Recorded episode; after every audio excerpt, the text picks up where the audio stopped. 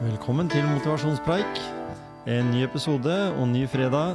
I dag har vi fått besøk av eh, Tom Helge Rønning.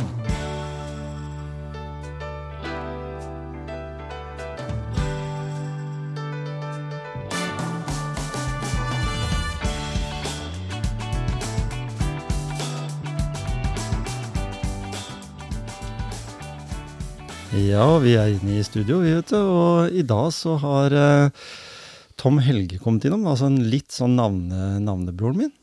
Tom. Tom-navnet. Ja. Men eh, du er jo egentlig ikke grenlandsgutt. Nei, egentlig ikke. Jeg er ikke så langt herfra, da. Jeg er født og oppvokst i Lågendalen, i, i nærmere bestemt Svarstad Ja. eh, overfor Larvik. Eh, så jeg er ikke så langt herfra, men eh, jeg er født og oppvokst der. Og har, men jeg har ikke bodd der på snart 40 år. Så vi kom hit i 1990, Ja. eh, så jeg begynner jo å føle meg eh, veldig, veldig hjemme her. Ja, ikke sant? Og rett over heia der så er, har jo samme dialekt, og du prater Og du har de samme Men der var kanskje Larvik var nærmeste byen, hvis en skulle ta seg en tur til byen? Ja, det var sånn typisk når jeg var, Ja. Var guttunge og liksom vi skulle til byen. eh, Så var det Larvik som var, var stedet. Og jeg gikk også på gymnaset i Larvik. Eh, Ja. Så det er liksom det som er Jeg hører jo til Larviksdistriktet. Nå hører jeg jo også til Larvik kommune. Ja. Og jeg har kompis i, i Larvik, og, og han sier at det, fordi det har jo vært litt snakk om sånn sammenslåinger, og nå har det jo vært fylkessammenslåinger og sånn, og veldig mange larviksfolk føler seg at de hører mer til Grenland enn til de her eh, storebrødrene i Sandefjord og Tønsberg, jeg vet ikke. Nei, og det er jo ikke så store avstander. Det har er det aldri det har vært over liksom heia, på en måte. Det er, ja. Siljan ligger midt imellom, og det er mange forbindelser når du begynner å snakke med folk om, om dette. Så, Mm. så er ikke det så, det er ikke så langt. De fleste som har forhold til Svarstad, vet du, det er vi når vi kjører over Silja når vi skal til Oslo. Ja. Da kjører vi alltid gjennom der. Ja. det er ikke noe store plassen. Det er ikke store plassen. Nei. Det var vel et par tusen, par tusen mennesker i, i bygda. Eh, Så det var en liten og fin plass å, å vokse opp. Ja. Hva var det som eh, var spesielt ved å vokse opp der, som du kan si litt om? Nei, det var jo Det var vel ikke bare så spesielt med plassen, men det var jo noe med tida også. Dette var jo på, på 60-70-tallet. Det var, eh, var eh, mye leik og moro. Det var fotball på Løkka, mm. blant annet. Og relativt, som vel de fleste hadde på den tida, sånn ubekymra om, om, om verden og det som var rundt. Mm. Så vi levde i med mye leik og moro og, og, og gode, da, gode dager. Ja, ikke sant? Eh, Jeg er jo selv, eh, Du er jo 62-modell. Ja. Jeg er 67-modell, så fem år etter. Men noenlunde av det samme var jo liksom greit. Det var liksom Du blei god til å sykle, og du blei god til å løpe, og en blei liksom var mye, mye fysisk. Absolutt mye Ja. fysisk. Sykle og løpe, og ikke minst eh, var det jo gode vintre mange, mange Ja. av de her åra. Så vi Ja, ja. gikk jo på ski og hoppa på ski og holdt på med veldig mange sånne eh, ting. Ja, jeg synes det er en ting som jeg eh, har liksom gravd litt i, i, i barndomsminner, og det var jo alltid Du huska ikke at det var dårlige vintre uten snø. Du husker jo at det var bare snø. I alle, alle barndommens eh, vintre var jo det. Jeg husker vi løp rundt på sånne røde miniski. Vi hadde de på oss eh, på støvlene, liksom, og gikk med de som om det var skoa våre. Så, så det var ikke noe rart at det starta med en god eh, ski. Kjempe... Født med ski på beina. Nei, og de Miniskia var jo kjempepopulære. De Ja, brukte det. vi også. Det var jo, de var røde, og Ja. de var eh, med renn der under. Og, Ja, ja. og sånne korte eh, ski som eh, vi brukte veldig mye, husker jeg Mm. også, i, eh, i hvert fall i en periode. Og så var det noen da som hadde kommet litt lenger, og de hadde jetski. De hadde vi, nei, sånne sorte med stålkanter. Ja. Det var en kompis som fikk de, jeg vet ikke hvorfor han eh, fikk det, men han forsøkte faktisk å hoppe med de i den største bakken i, altså i Klosterkollen, da, oppe på Hercules. Ja. Det gikk ikke bra. Nei. Du fikk ikke den samme flyten gjennom lufta som om du hadde hatt lengre ski. Nei, og dette var jo litt sånn skumle noe av de her skia også, da. Hvis ikke du hadde tråkka godt nok, og så hoppa Ja, litt langt og slo igjennom, så ble det bråstopp. Kunne det bli. Det gjorde det. Ja. Ja, hva er det som gjør at du da, du nevnte på det, gikk på videregående i Larvik? Eh, Det var jo naturlig, for det var jo nærmeste, var bare retten i Lågendalen, det så var framme. Men hva skjedde etter da?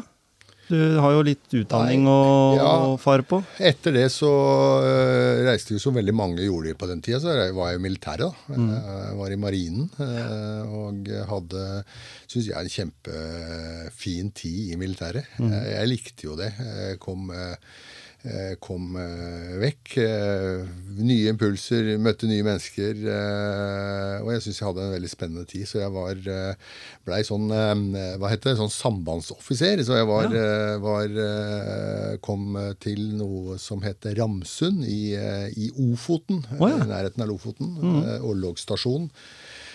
Hadde det egentlig kjempe, en kjempespennende periode der. Ja, flott der oppe da. Eh, Ja, natur. Vi var mye på vannet, på sjøen. Noe Nordnorsk natur gjennom, eh, gjennom alle årstider, holdt jeg på å si. Så Mm. det var eh, veldig ålreit. Det var, var litt så, Jeg var jo militær, men jeg var jo i Hæren. Ja. Og vi misunte alltid de som var i marinen og de som var langs kysten, for de hadde, syns vi i hvert fall, bedre sånne ordninger enn det vi hadde. Ja, jeg, så var det jo litt sånn Det var jo litt sånn Det var jo litt uh, mer fritt, da. Det var eh, Jeg var liksom eh, Vi hadde jo ja, Sambandsansvaret hadde jo jeg på det der. Så vi mot, sendte og mottok meldinger stort sett. Hadde et kontor hvor vi eh, Omtrent som, som, eller omtrent som dette studioet her, med noe, med, med noe utstyr og litt sånn. og, og eh, hadde egentlig ganske gode, gode dager. Det jeg oppdaga da, var jo at jeg liksom, det, var jo, det var jo ikke veldig det var jo ikke veldig krevende, det var ikke veldig slitsomt, eh, for å si det mildt. Eh, og det som, eh, det som Man blir fort en del av et sånt miljø også, altså, med hvor, hvor liksom det var eh, kaffe i koppen og litt, eh, litt jobbing inniblant, men det var mye gode dager, egentlig. Så hadde vi jo en god del fritid. Vi brukte jo den ganske eh, aktivt. Vi hadde jo, hadde jo eh, adgang til noen sånn havnefartøyer og litt Ja, sånn. Vi reiste ut og ut og fiska. Vi, eh, vi gjorde litt forskjellige sånne ting. Ja, og så var dere mer enn et år, var det ikke det? Nei, vi, ja, det var 15, eh, 15, 15 måneder. måneder. Men jeg fikk dimme litt før, for jeg skulle begynne å studere. Eh, Da eh, reiste jeg til, til Oslo, eller til, til Bærum, rettere sagt, eh, for å begynne på BI. Eh, Så det var jo det som etterfulgte, da, hvor jeg, hvor jeg eh, studerte i, eh, i Oslo på, på, på Handelshøyskolen BI. Ja. Fikk noen venner fra Forsvaret som du har holdt kontakt med, eller? Siden den gang? Bare sånn, ikke noe sånt som jeg har hatt veldig kontakt med. Nei. Men jeg har jo noen som jeg nå har litt eh, Et par stykker som jeg har, eh, er venner med på Facebook, og som jeg har møtt og, og truffet et par ganger og, litt Ja. sånn. eh, Og, og Uh, ja, snakka litt om uh, gamle dager. Ja. uh, men det er ikke noen der som jeg har holdt sånn regelmessig kontakt med. Nei? For det er jo 40 år siden sikkert, noe rundt der, eller sånn. Jeg har i hvert fall begynt å regne på Ja, det at det det var må det minst være. ja, så- jeg begynte å regne på at det var 35 år siden jeg var i militæret, husker jeg. ja, men det var, det dette var jo i 81-82, eh, så det er godt over, litt over 40 år siden. var under den kalde krigen.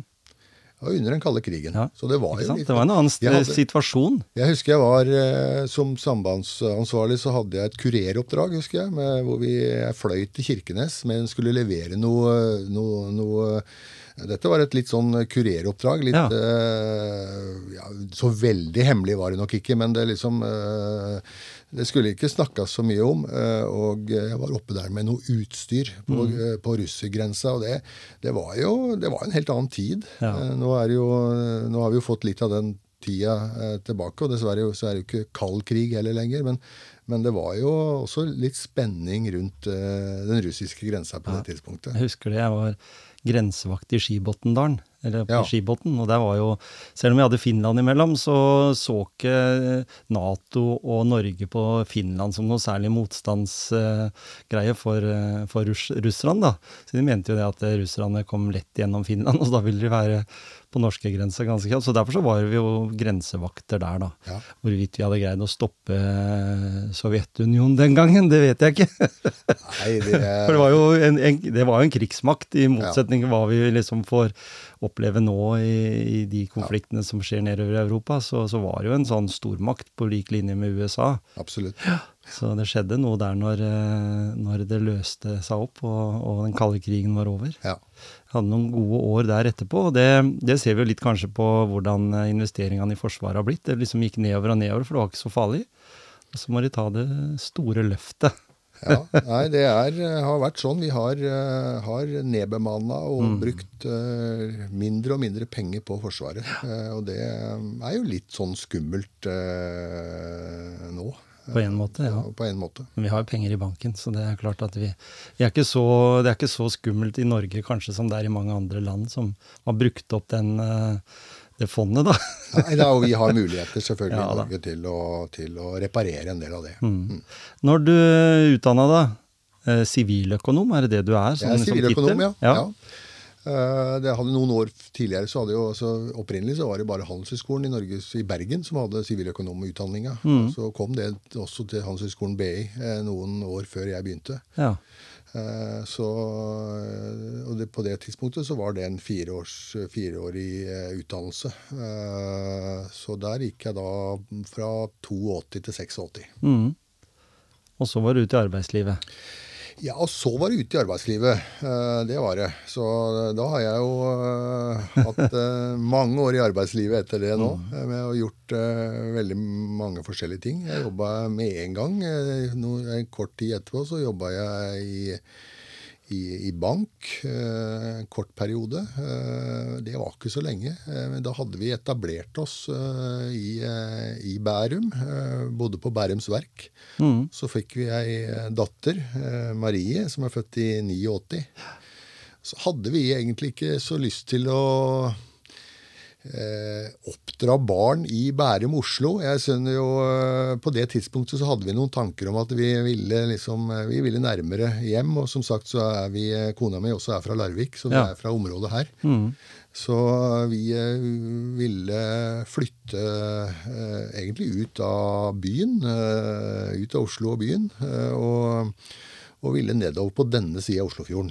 Eh, hadde ikke så veldig mye tanker om hvor vi nødvendigvis skulle flytte, eh, men vi ville liksom på vestsida av Oslofjorden nedover, fordi at vi hadde nettverk, venner, eh, familie ikke minst, på den sida her, og tenkte at det var det var fornuftig, da, ut ifra sånn som vi tenkte på det tidspunktet. Mm. Så endte dere opp i Skien. Så endte vi opp i Skien. Eh, da var det en ledig stilling for mitt vedkommende i ABB. Den gangen så var det, het det EB, elektrisk byrå. Mange kjenner jo det som eh, NEB før Ja. den gangen òg. Eh, og der skulle man ha en finanssjef. mm. Så det var en stilling ledig som det. Som jeg syns eh, måtte passe veldig godt for meg. Ja. Så vi, eh, jeg søkte på den eh, og fikk den jobben, og vi flytta, flytta ned hit da i, i våren, våren 1990. Ja, ikke sant? Så det er temmelig nøyaktig nå tre og, eh, 33 år siden. da. Og det var jo for da, som du sier, ABB, så var jo det en god tid.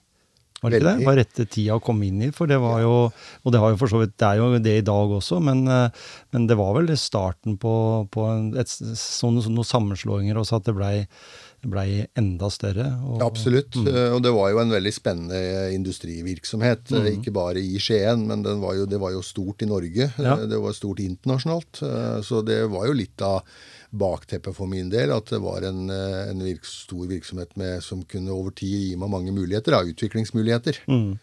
Eh, Så det var en del av, av greia, for å si det sånn. Så, så um, jeg eh, gikk til den jobben og hadde jo ulike roller der opp gjennom 90-tallet. Eh, eh, Både som finans- og økonomisjef. eh, eh, og ble, så blei det en del organisatoriske endringer. Blei økonomidirektør eh, og jobba innafor oss. og var fabrikksjef en periode og jobba, hadde litt forskjellige roller, da. Ja. Eh, Men veldig, eh, veldig eh, Det var et, eh, både et spennende konsern, det skjedde mye, og det var en veldig positiv utvikling i, i Skien her også i, i mange år. Man hadde eh, internasjonalt ansvar for en del av produktspekteret. Eh, man fikk reise litt. Eh, fikk bl.a.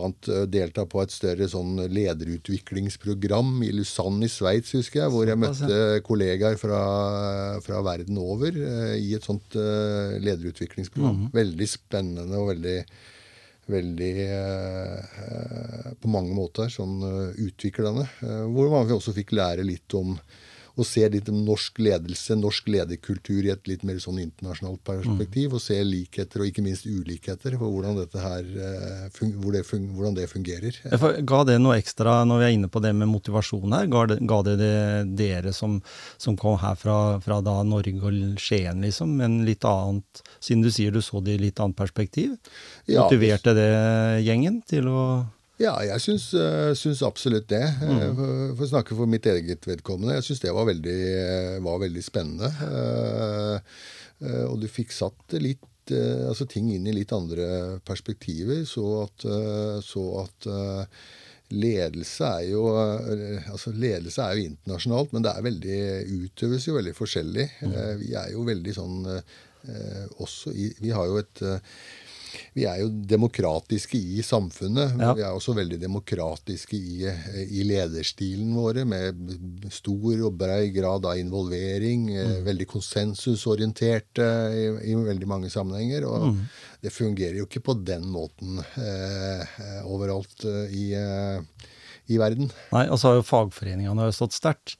Så jo større bedrift en hadde, jo sterkere var jo fagforeningen også. Så det var jo en viktig kanskje dialogpartner, da, for å på en måte Når, når vi tenker at Skien som kommune hadde jo bare Union eller Norske Skog. Mm. Eller så var jo Porsgrunn var jo overfylt med bedrifter som hadde mange mange ansatte, på lik linje med ABB. Men dere var jo en ganske stor eller betydelig bidragsyter i, i forhold til det med industri i Skien. Ja da, det var jo, og er vel fremdeles, eh, Skiens største, nå er den største nå. Ja, ikke sant? og private arbeidsplass. Eh, jeg tror det var, Nå har det jo blitt en del færre, da, for det har jo skala av litt sånn, men mm. på det tidspunktet så lurer jeg på om det var enten 1100 eller 1300 medarbeidere oppe, på, oppe på sletta der. Ja. Eh, så det var jo en stor arbeidsplass. Ja, ja, Var på størrelse med eh, Union den da, eller litt større faktisk? Ja, jeg tror den var større ja. Eh, på det tidspunktet. Mm. Så det var en Så du måtte bare ha Hydro og disse her store ute i Porsgrunn som, som sammenligningsgrunnlag? Ja, mm. som var større. Men det, det var, jeg er ganske sikker på at det var den, på det tidspunktet var den største ja, det det i, i Skien.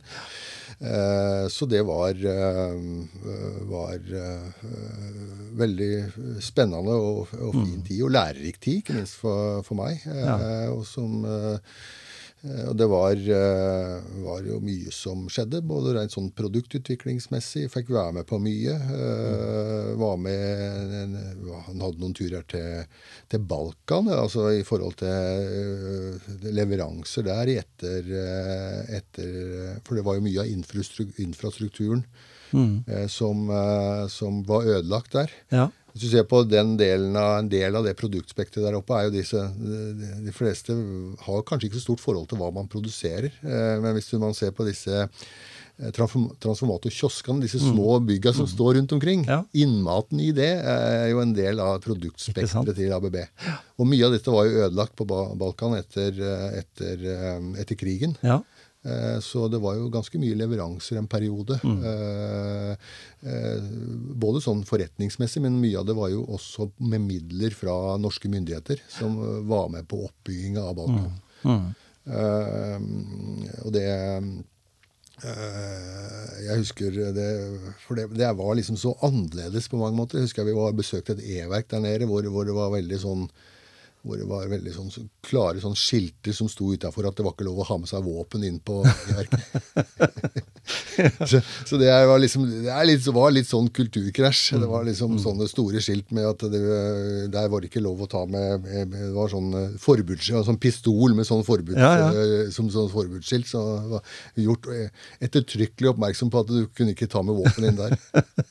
Det var en sterk opplevelse. Ja, jeg synes det var ja, litt, sånn, annerledes. Eh, fra en uh, enkel sjel fra, fra Svarstad, så var det, var det ja, litt uh, Litt kulturkrasj. Det vet du. Sånn. Det vet ja. du.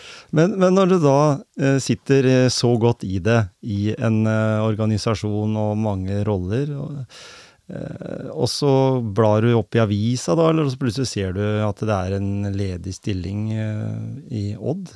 Fotballklubben Odd. Som ikke ja. hadde så lang historie der oppe i, i, hos, i den beste familie, hvis en skal si det på den måten. Nei, altså, det, var ikke akkurat sånn det foregikk. Men det, det, var, eh, det var altså Da hadde jeg vært i ABB i elleve år. Mm. Jeg begynte her i 1990. Eh, også rundt 2000 og 2000-tallet så skjedde det en del omorganiseringer. Og ja. for å gjøre en lang historie kort, så, så var det eh, en jobb som jeg søkte på som jeg ikke fikk mm -hmm. på det tidspunktet. Ja. og så tenkte jeg at da var det kanskje tid for meg på å gjøre noe annet. Mm -hmm. og så var det mange, som jeg har sagt, så, så, sa tidligere, så var det mange muligheter i ABB. Så jeg var faktisk på vei til å ta et utenlandsopphold. Vi hadde hatt en uh, familieråd på det. Ja, ja. Og, og uh, jeg skulle av alle steder, var planen å reise til å bli økonomiansvarlig, landansvarlig, i Saudi-Arabia. Såpass? De, såpass, faktisk. ja. Eh, for et sånt treårsopphold. Det, var jo, det var jo system på dette i, ja, ja. i, et såpass stort internasjonalt system, som, mm. kunne liksom, som sånne expat-kontrakter, eh, som de kalte det, du, hvor du kunne reise ut da en periode. Det er sånn var det jo noen oljeselskaper i Norge òg, som jobba i Uesso f.eks. Ja, så kunne du også jobbe i Kuwait, og det var nedover sånn. Absolutt. Så jeg var alle steder på vei eh, dit, eh, og hadde hatt et eh, møte med landssjefen i eh, København på, på flyplassen flyplassen på Kastrup i København, husker jeg. Eh, og så eh, skulle jeg fly ned eh, ned til Saudi-Arabia, først aleine, for å liksom endelig Vi var egentlig enige, så jeg skulle egentlig endelig ned og skrive kontrakt.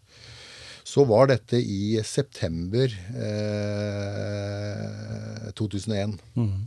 Og hvis du husker godt, så husker du hva som skjedde 11. september eh, 2001. Mm. Eh, det var jo De fleste av oss husker eh, faktisk hvor vi var. Ja, vi det er nesten som med den staven til Oddvar Brå. Ja, det er i samme det. kategori. Ja. Jeg husker akkurat hvor jeg var, og mm. akkurat hvor jeg sto og, og så de bildene ja. av, av, de flya som gikk inn i, i, i Twin mm. Tower. Mm. Så det var akkurat i det tidspunktet. Eh, og da eh, ble det jo flyforbud. Eh, rett og slett det ble flyforbud til Saudi-Arabia. Mm. Så jeg fikk, kom aldri av gårde. Og så var det en ganske sånn spent stemning ja, i verden i etterkant. Og mistanke, eller Det var jo på en måte der, altså den delen av verden som gikk mot Vesten, på en måte. da. Ja, ja. Mm. det var det. Mm. Så rett og slett da så, så Med familie, med to små, relativt små barn på det tidspunktet. Mm. Vi hadde fått uh, ei datter til som het Andrea, som var født i, i, uh, er født i 95. Så vi hadde to, uh, to jenter uh, på 5, 6 og, og, 10-11 år. Mm. og det blei egentlig for skummelt. For å være helt ærlig så blei det for skummelt å reise mm. på det tidspunktet. Så det Eh, så det blei ikke noe. Så det blei eh, rett og slett eh, litt sånn Der blei karrieren min påvirka direkte av ja, denne hendelsen. Tenk, tenk også situasjonen hadde vært for dere hvis du hadde dratt. Ja, hvis tenkt, ikke det hadde skjedd. Har du tenkt, noen gang ja, på det? Ja, ja, absolutt. Jeg har tenkt, uh, vært innom det mange ganger. Mm. Uh, og samtidig så er det et bevis på For mange av oss så er det jo man kan planlegge ting, man kan planlegge karrierer osv. Men jeg må innrømme at mye av det jeg har gjort, og det som har skjedd eh, for mitt vedkommende, er påvirka i stor grad av tilfeldigheter. Mm. Eh, og dette var definitivt en sånn situasjon. Ja, eh, for vi var så bestemt på det og hadde liksom gjort, tatt den avgjørelsen og var på vei. Men det blei rett og slett for skummelt på det tidspunktet med mm. familiesituasjonen og det hele. Ja. Men da sto du der med blanke ark, da? Da sto jeg litt der med blanke ark. Eh, og for jeg var da bestemt. Da hadde jeg liksom sånn i huet mitt da hadde jeg liksom, mm. Eh, var jeg videre. Du skulle fortsette i ABB-systemet, men egentlig begynne å jobbe et annet sted? Ja. Mm. ja. Uh, og så uh, Og så kom jo da denne annonsen. Mm -hmm. Uh, og det har jo ikke tanker jeg hadde tenkt egentlig i det hele tatt. Jeg har jo alltid vært uh, veldig sportsinteressert, uh, idrettsinteressert, fotballinteressert. Så, men jeg hadde jo ikke tenkt å jobbe med det. men så var jeg liksom, som jeg hadde i, i, mitt, i, mitt hue da, så var jeg liksom vei videre et eller annet sted. Og Da denne muligheten kommer, så tenkte jeg at ja, hvorfor ikke? Hvorfor, hvorfor hadde ikke det vært artig, egentlig? Jeg hadde gjort noe helt annet en periode. Eh, liksom eh, Hoppa over til noe, noe, noe ganske annet. Eh, så tenkte jeg at det er jo Jeg er glad i, er glad i fotball. Jeg kan, kan uh, sikkert tilføre noe. Jeg kan sikkert lære noe. Mm. så jo, nei, jeg Det skal jeg søren meg gjøre. Og, du, og, det var som du sa her tidligere uh, når du kom, at det var jo gründerskap, det. Den gangen. Fordi hvem hadde vært sjef før da? Nei, akkurat Hadde det vært det hadde, noen? Det hadde jo vært noen daglige ledere her tidligere. Ja, ja. Uh, Men det var, det var, stort sett sånn fostra opp fra, ja, fra en eller annen som ikke ville være trener lenger, eller en som på en måte hadde, var litt forsynt, ville ha litt andre arbeidsoppgaver og sånn. Sånn som uh, egentlig klubber Tollnes og Porsche har. Ja, det var, var litt sånn til meg. Og det var jo den perioden litt før meg, så var det Ben Roger. Mm. Ben Roger Elvenes som, uh, som som et kjent ansikt i området her, som hadde den, eh, hadde den rolla. spilte jo, daglig leder, omtrent? Ja, jeg tror det var etter han var ferdig ja, som spiller. Det, ja. men, eh, men, det var jo i fortsettelsen, og, og hadde jo vært det tidligere. Mm. Uh, Eh, så, så, så det, var jo, det var jo som jeg, jeg har jo karakterisert i mange sammenhenger som en slags sånn gründervirksomhet. Ja. Fotballen er jo en veldig ung bransje, som profesjonell bransje. Mm. Man har jo spilt fotball, og ikke minst i dette området så jo, er jo dette en eh, kultur... Eh, eh kulturvirksomhet og, og, har jo lange både historier og røtter på alle mulige mm. måter. Men som mm. profesjonell aktivitet har vi jo drevet fotballen i Norge kanskje jeg karakteriserer det kanskje som de siste 30 åra, hvor det har vært eh, profesjonelt. Det mm. begynte jo liksom å bygge seg opp gjennom, eh, gjennom 90-tallet. Ja. Og så det jo, var det jo noen som var veldig forutseende i dette området, og som danna Grenland fotball og, og liksom fikk, eh, fikk, litt fart på det. Så fikk på plass litt kapital òg? For de investerte noen penger og litt sånn i det? Ja. Og fikk litt sånn både kapital og, og, og, og profesjonaliserte på mange måter. Og, og også fikk jo en litt sånn For spillelogistikk er jo en stor ja, ja. del av fotball. og Man hadde jo da noen eh, tanker om hvordan dette skulle foregå mm. i samarbeidet mellom Porsche og Odd og, og, og, ja, i det hele tatt. Men, men det litt kanskje derfor du på en måte fikk jobben, eller? At du hadde den ledererfaringa di fra et forholdsvis stort konsern. Og så har jo, må jeg jo si, ABB har jo vært inne i Odd-systemet også, som en slags sponsor også i veldig mange år. Altså, ikke at jeg husker om de var den med den gangen, men uh, De... Nei, det kan ikke jeg huske heller. Jeg er ikke så sikker på. Jeg tror kanskje ikke det. Nei, eh, jeg kan var, ikke huske at de var det på nei, det tidspunktet. Det, det, var jo som jeg nevnte for det her, det var jo nybrottsarbeid. Det var gründerskap. Ja. men allikevel så og så måtte du på en måte få en salgsorganisasjon som Jeg tror det var sånn i starten at de Har jeg rett hvis jeg sier at det var en felles organisasjon i Grenland fotball? Mellom Odd og Porsch, og de skulle liksom fordele litt midler og sånn i forhold til det. For da lå jo Porsch i divisjonen under. Ja. Ja, ja da. Mm -hmm. Ja da, så det var jo litt av var jo, Jeg opplevde litt av oppdraget mitt Eh, til å liksom bidra til ytterligere den profesjonaliseringa, da. Mm. Eh, med den bakgrunnen jeg hadde. Som jo ikke no, Mange tenkte nok på det tidspunktet at eh, hva skal man gjøre der med folk som ikke har har fotballbakgrunn, ja. som kan noe om 4-3-3 eller, ja, ja. eller liksom systemer og strukturer. Hva skal vi med sånne folk? Mm. Eh, så tror jeg jo tanken var at eh, man, det er vel og bra, og det er kjempeviktig, mm. men man må ha noe vi Skal vi bygge liksom en, en, en, en, business av dette, skal man liksom komme videre, så må man mm. ha noe mer. Mm. Så det tror jeg var klare tanker, eh, og grunnen til at man Noen da anså meg som kvalifisert til det. Så jeg, for det endte jo med at jeg da eh, søkte på den jobben, og, ja. og fikk den etter en, etter en intervjurunde. Mm. Eh, så det eh, var, eh, var jo en veldig spennende Jeg blei jo ikke der så veldig lenge som daglig leder, men jeg har jo vært engasjert i Odd også etter det. Jeg var ikke mm. inn i styret i etterkant, og var jo en periode gjennom eh, liksom fra da jeg begynte 1.1.2002, 2002, og så var jeg jo engasjert da i åtte-ni år etter det, liksom, i Odd.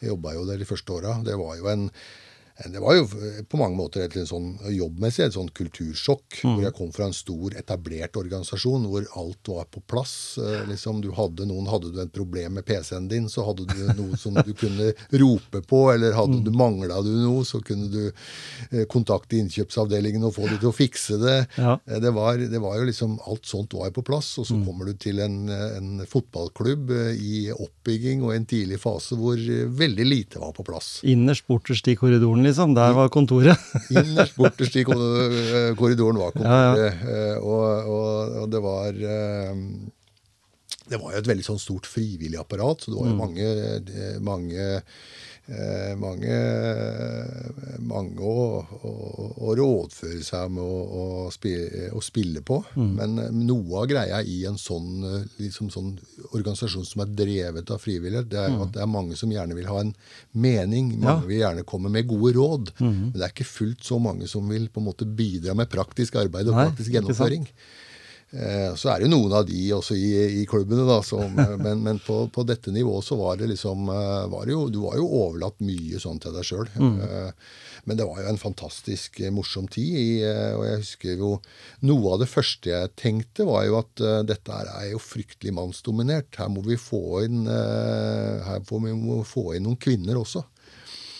Eh, så en av de første og beste ansettelsene jeg har gjort gjennom tidene, var jo å ansette Kjersti Stordalen. Eh, eh, som vi etter kona med, og jeg faktisk hadde en sånn runde hjemme i forhold til hvem, hvilke kvinner er, har vi i området her som kunne gjøre en god jobb.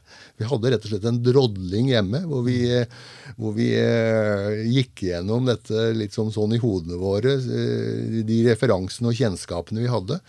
Og så endte det med at jeg, eh, jeg da ringte Kjersti mm. eh, og spurte henne kan du tenke deg å bli markedssjef i, i Odd. Nei, det kunne hun ikke tenke seg. da hadde du vært sentleder på Brotorvet? ja, det? Ja, det var jo det, blant annet derfra. Ja. Jeg, liksom, jeg kjente ikke Kjersti på det tidspunktet, annet enn gjennom media, egentlig. Eh, hvor hun bl.a. Var, eh, var eh, senterleder på Brotorvet. Mm. Men hun virka jo som en både oppegående offensiv og, og, og, og positiv og så er det jo mye energi i den familien. Og så er det jo ikke minst mye energi i den familien. ja. Men det var, jeg ringte henne da og spurte om hun kunne tenke seg det. Nei, det kunne hun ikke. Det hadde hun ikke, ikke noe tanke for i det hele tatt. Men uh, når jeg har bestemt meg sånn, så gir jeg meg ikke så lett. Uh, så uh, jeg ringte igjen. Mm -hmm. Og da hadde hun snakka med Henry, ja. mannen sin.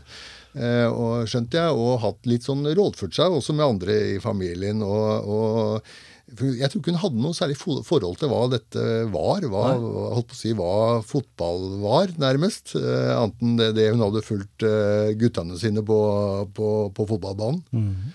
Eh, så hun At dette liksom var, kunne også være og kunne bli business og kunne liksom være noe mer, og at det handla om mye mer enn det som foregikk akkurat ute på banen. Mm. Eh, det hadde hun egentlig ikke tenkt så mye gjennom på det tidspunktet, tror jeg. Nei, Nei for det var jo starten, altså som du sier med Grenland fotball, og at den skulle sette in, altså inntekter, altså sponsorer, som en viktig del. For det Absolutt. var jo, det var som jeg nevnte på, det steig fra 10 000 å være med til 100 000, fordi ja. en måtte på en måte ha en viss standard også på dette, for det var jo tross alt toppen av norsk fotball. Absolutt. Mm. Ja, da, så det endte med at jeg fikk eh, det der til, og etter hvert fikk ja fra Kjersti da, ja. Eh, til å, å, begynne. Så det var ikke så hun begynte ikke så mange månedene. Jeg kan ikke akkurat huske hvilke måneder det var. Det var i 22, et eller annet sted utpå i 22. Ja. hvor Hun eh, da starta som, som, markedssjef. Og vi begynte å jobbe mer eh, profesjonelt målretta også med, med, med, det området fra, mm.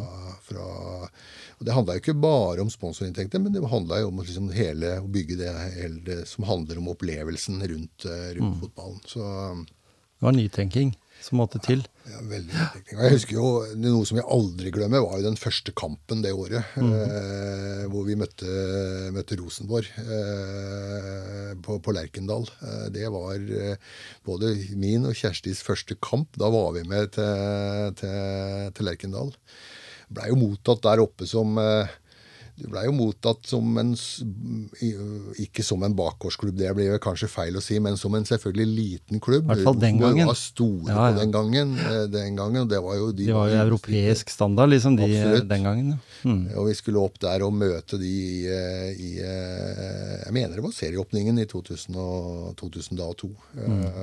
Og, og ja, da så var Arne Sandstø trener?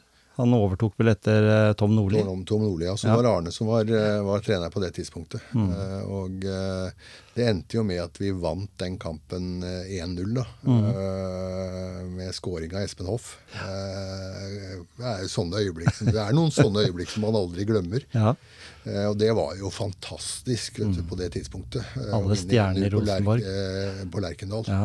og Eh, og så husker jeg veldig godt at vi, eh, vi, eh, vi satt på VIP-tribunen der eh, og var invitert eh, som, liksom, som, som, gjester. Av, det er jo en, det er en veldig fotballfamilie, så man blir jo liksom invitert inn. Og når vi, mm. når vi kom der oppe, så vi, satt vi på VIP-tribunen der. Og så, når det var i annen omgang, så leda vi 1-0. Og nå var det gått 34 minutter, så, sier, så rister Kjersti meg i armen og så sier dette kan vi ikke tape, Tom Helge. Dette kan vi ikke tape kampe.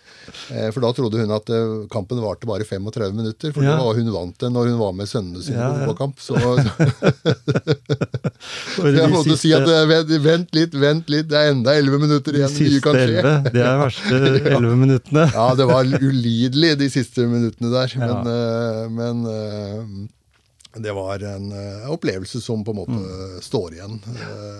akkurat den første kampen der. Ja, og som, og som vi var inne på her, det det var jo ganske bra Altså, vi var mye lokale gutter og litt sånn fra området rundt, men så kom jo både en svenske og en uh, som ikke jeg vet hvor kom fra, men to veldig betydningsfulle spillere for Odd. Ja, da Vi begynte jo på det tidspunktet også. Han hadde jo lagt dem og var jo en veldig Og det har jo et, mener jeg har vært veldig bra for Odd gjennom alle år. At man har hatt en veldig sånn lokal eh, Man har hatt en veldig lokal tilnærming, da. Mm. Eh, og det tror jeg er, har vært kjempeviktig for rådsutvikling. Eh, og så er det jo sånn at eh, vårt eh, omland og geografi er ikke så stor, så det er litt begrensa. Du klarer ikke å bygge topplag bare med lokale spillere. Bare fra Herøya, eller, fra, eller fra Storm? Nei, nei, du gjør ikke det.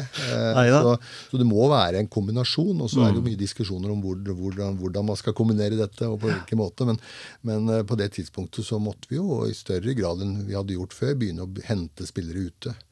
Mm. Uh, og uh, da begynte det jo å skje en del ting på spillemarkedet. Og, og, det var jo noe av det som i perioder gjorde at dette var mer en, langt mer enn en eh, ni til fire-jobb. Mm. det skjer jo mye, og særlig rundt overgangsvinduene. Og det er mye jobbing og mye, mye kontakter og mye, mm. mye som skjer. Uh, og, men jeg husker jo spesielt vi henta Pelle Nilsson uh, i, uh, i, i, Stockholm, fra Stockholm. Mm. Djurgården var det vel han kom fra, uh, tror jeg. En av de beste spillerne, mener jeg, som har vært i norsk uh, toppfotball. Ja, det, altså som, som, som, som spillertype òg. Virka som han var en veldig samlende ja, person. Litt, ja, sånn, litt sånn Steffen Hagen, på en måte. En sånn, også en sånn god uh, En hyggelig gutt, da. Ja, det er ikke noe dårlig sammenligning. det er ikke noe dårlig sammenligning. Eh, Pelle var en strålende fyr, egentlig. Mm. også, Ung gutt, og, men med gode verdier og, og, stødig på alle mulige måter. Og, og mange hevder at han er en av de aller beste fotballspillerne som Jeg tror nok det er en av de aller beste, tror jeg. Det er relativt uomtvistelig at han har vært. Ja, ja. Om han er den aller beste, kan helt sikkert diskuteres, men mm. helt der oppe jo Pelle, var jo Pelle Nilsson. Mm. Eh, og han fikk jo en bra karriere etterpå også i Tyskland. Ja. Um, så det var jo en, en, noe som eh, ble henta på det tidspunktet. Og så var det jo en annen spiller som også var veldig nytt for oss da når, når Sumun Choi kom fra mm. Kamerun. Uh, og det, han var jo også en veldig Eh, spennende spiller. Mm. Eh, gikk jo seinere til Stabæk, i, eh, som i, fremdeles irriterer meg. Ja. Egentlig at han gikk til Stabæk. Ble ikke så lenge der, for han fikk jo en karriere etter det i, i England. Mm. Men han Det var jo også en litt sånn ny opplevelse for oss. Også litt sånn kultursjokk. Han kom mm. altså fra Kamerun, var fransktalende, kunne ikke engelsk, Nei. og selvfølgelig ikke norsk. Og bare det å Som var ganske nytt eh, for oss på det tidspunktet. Det er jeg tror det er litt mer arbeidskrevende enn folk tenker seg når at du skal eh, integrere en kun fransktalende spiller. Eh, Fra afrikanske kontinentet i tillegg. Fra det afrikanske kontinentet i Norge. Du kan tenke deg, du, du kan ikke bare sende han til butikken og be han å handle sjøl.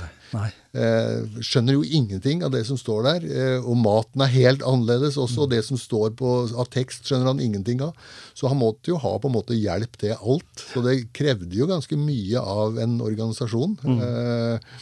eh, og, eh, og både, både det å få han bosatt og, og ja, få han til å fungere eh, utenom eh, treninger og, og eh, i, i klubben. Han skal jo tross alt eh, leve ute i samfunnet. Ja, det var, det. var mye rundt det, altså. Ja, men, men, men allikevel, da. Han tilpassa seg jo veldig fort. Det? Og var, var jo en var jo en, på en måte en spiller som eh, gjorde mye bra for Odd. På samme måte som Tommy Svindal Larsen og Morten Fevang. og de, Han var jo på det nivået der. var Og Bentley òg. Det var liksom Ja. noen sånne profiler som alle husker. Han er jo en del av de profilene som alle Ja. husker, og kanskje den eh, Jeg vet ikke, noen vil kanskje være uenig i det, men han vel den, er vel kanskje den spilleren som har hatt eh, måte den råeste fysikken Ja, på mange måter. Han har jo nesten vært på lista over kandidater til å komme tilbake så mye som ti år etterpå, på en måte. Bare for å liksom ha en spiller. For det, det er kanskje en sånn eh, karakter Odd må ha. Ja.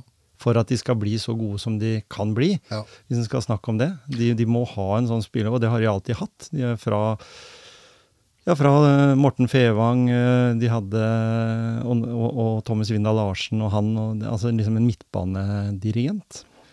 Så Ja, og det er jo eh, det. Er jo det.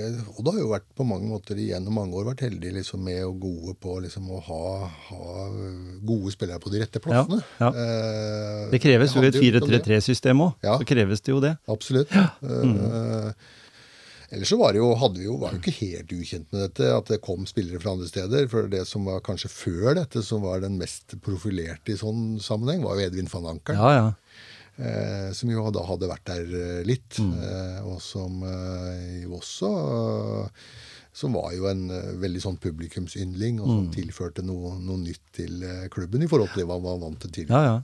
Han var jo kjent som en sånn racer på midtbanen. Ja. Og, og i tillegg så var jo Odd faktisk veldig, veldig veldig tidlig ute, hvis en skal gå så langt tilbake. James McCurty kom jo til, til Odd Ja. også, og han var jo kanskje den første proffen, hvis en tenker det, ja. i, i Norge. Fordi det var vel eh, en tidligere Wilson som, som var litt Ja. på der, ikke sant? Så det var Ja litt, sånn, litt den der. Så, så vi skal ikke gå helt tilbake til Jimmy sin eh, tid eh, i Odd, for jeg har lyst til å vite litt mer om eh, og fotball. Det skal vi sikkert eh, få prate om i podkasten der seinere. Men du gikk videre, du, fordi eh, du gikk til Varden, avisa. Ja. ja. Eh, og Varden hadde jo vært inne i Odd-systemet som, som en sånn uh, I hvert fall viktig å ha sporten på, på, på, på tribunen. Ja.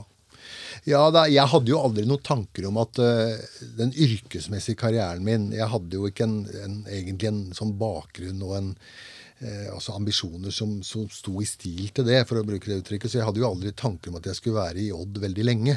Eh, så det, det var en Jeg hadde liksom bestemt meg for at jeg skulle gjøre dette en periode. Eh, og så, eh, da i 2005, var det, hadde jeg vært der i tre og et halvt år, så gikk jeg til Varden. Eh, eh, og blei der administrerende direktør i Varden. Mm. og det var jo også, det var jo også litt sånn Bakteppet her var også sånn at uh, Varden var eid av Orkla. Eh, Orkla Media. Orkla På det tidspunktet så skjedde det veldig mye i åra på eierskapssida den uh, i etterkant, men, men da var det en, Det var jo også en, et stort konsern. Eh, for jeg hadde vel egentlig ikke tenkt at jeg skulle være i alltid i Varden heller. Nei? Men det ga meg en inngangsport tilbake inn i næringslivet. Eh, sånn at det var, det var baktanken min ved det. Eh, at eh, Varden var eid av et stort, eh, stort nasjonalt konsern. Så- eh, så som nå- kunne gi meg karrieremuligheter over tid. Ja, for nå nå er motivasjonen din litt annerledes. Fra tilfeldigheter til nå så har du begynt å planlegge litt liksom hvordan eh, du har lyst til å jobbe og, og komme liksom i en posisjon, Ja. som vi skal snakke om etter hvert òg, Ja. i forhold til eh, den ledererfaringen du har hatt, og den du har tatt med deg på veien. Ja. nå er du mer målbevisst på, på at Ja, dette da. her er noe en vil nå. Og det er klart at media på den tida der var jo utrolig i vekst.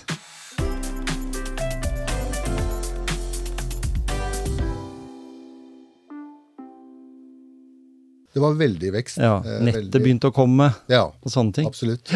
Mm. Eh, Så det var, eh, var eh, Dette var jo da i 2005. Det var fremdeles vekst da i, eh, i media. Mm. Uh, Så nei, jeg så det som en eh, mulighet. Altså ikke Jeg ønsker ikke på noen som helst måte å snakke ned Varden som organisasjon. Nei. De var jo en, de var en, de var jo ikke, det var ikke en stor organisasjon, men de var jo i, lokalt så var det en stor arbeidsplass. Ja, Ja, det for så vidt Og en del av et større, et større, en større industri. Absolutt. Så, så det var en spennende tid i, eh, i Varden. Og der eh, i, du vet, i medieverden i, eh, i em, Telemark så er det jo litt spesielt fordi at du har gjennom årtier hatt den knallharde konkurransen mellom Varden og Ja. Thea. Den finner du veldig få steder Nesten ellers i. Norge. Nesten, ikke. Nei.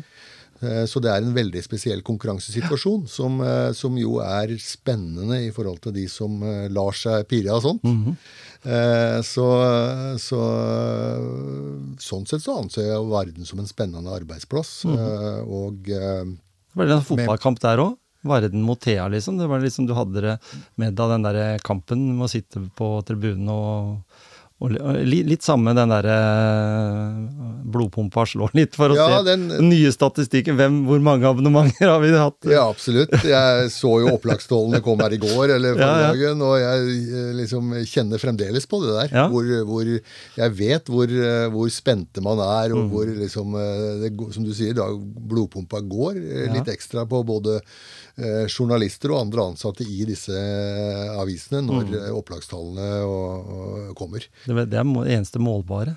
Ja, Faktisk, det, sånn er, eh, det er det eneste helt konkrete. Så ja. måler man jo også lesertall og litt andre ting, men, men, eh, men eh, dette er veldig, og spesielt i vår, eh, i vår eh, verden her lokalt, så, er, så er dette eh, kjempespennende hver eneste gang. Ja.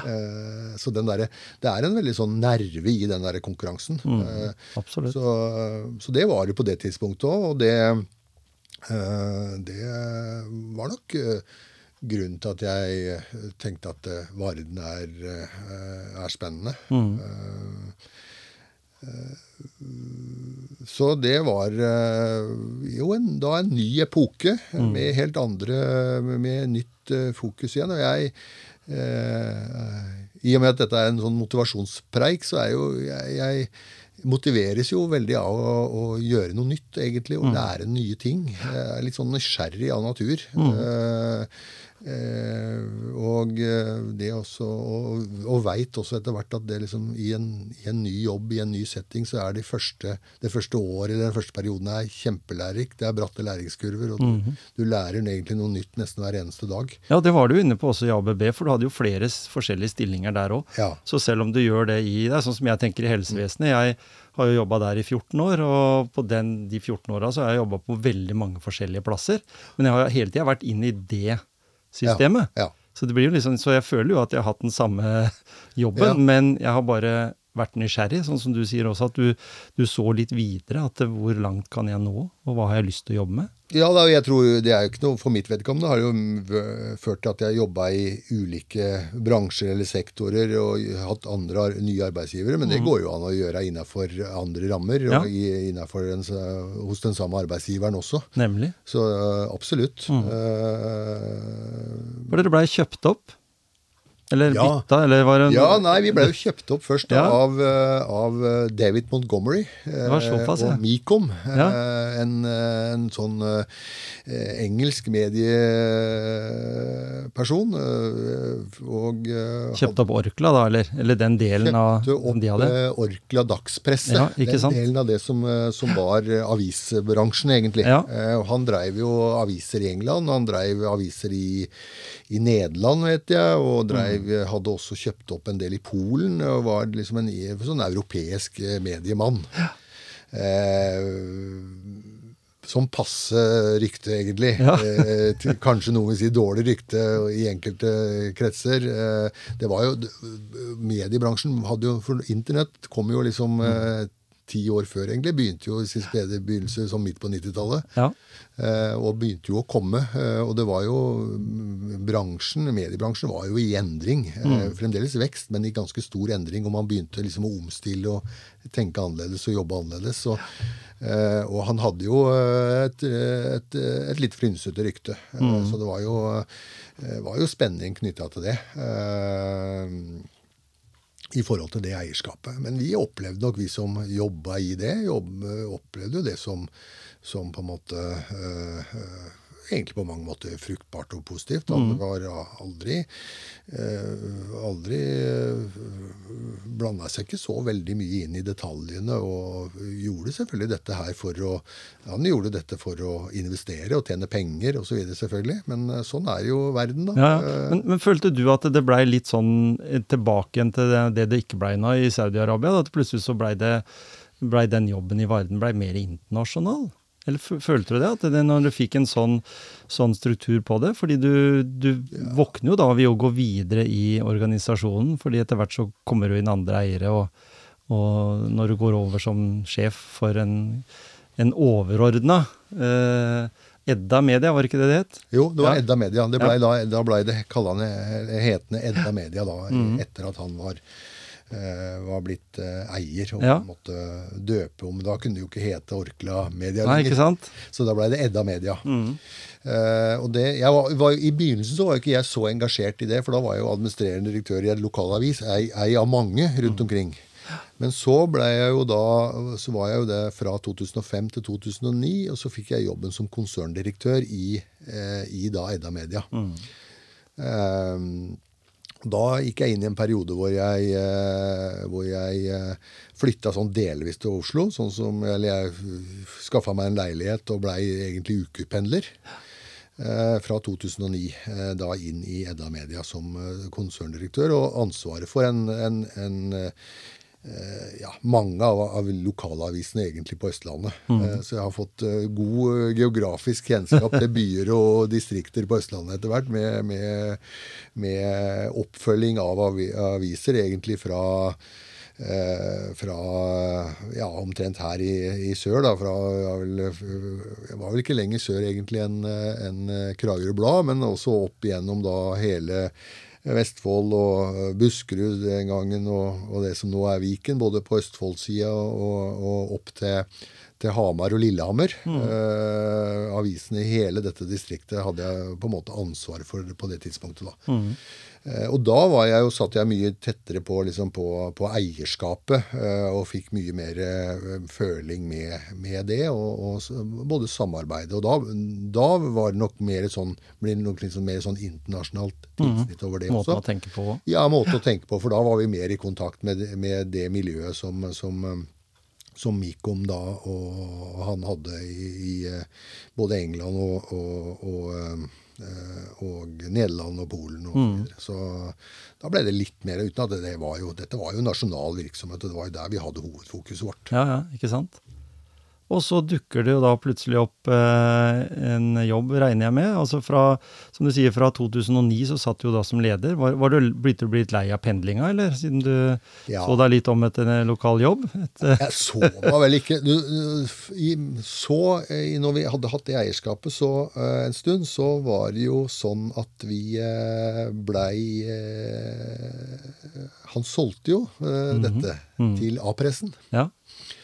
Eh, og så blei det en fusjon mellom A-pressen og Edda Media. Så det ble slått sammen.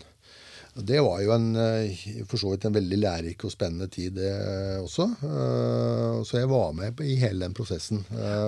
Satt sentralt i det sammen med en del andre. Og, og, og jobba med den, den, den prosessen og den sammenslåinga.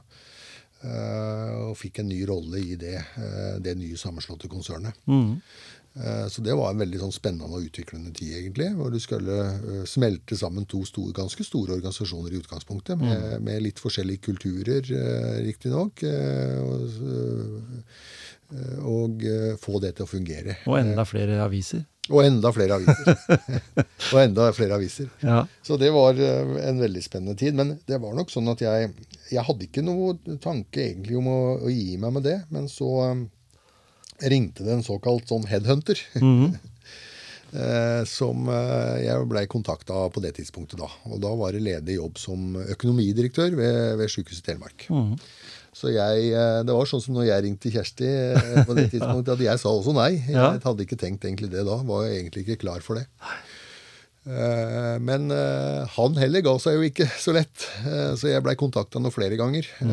Og så begynte jeg å tenke på det perspektivet som du for så vidt nå bringer opp, i forhold til dette med pendling. Det å bo Hadde jeg gjort det noen år nå, da. mm. Reist ja, klokka fem på mandagsmorgen. Eh, hjem igjen på, på fredag. Eh, stort sett. Noen ganger klarte jeg å komme av gårde og hjem på, på torsdag kveld, men stort sett så var det mandag, eh, mandag morgen fra frem, fem til, til fredag ettermiddag.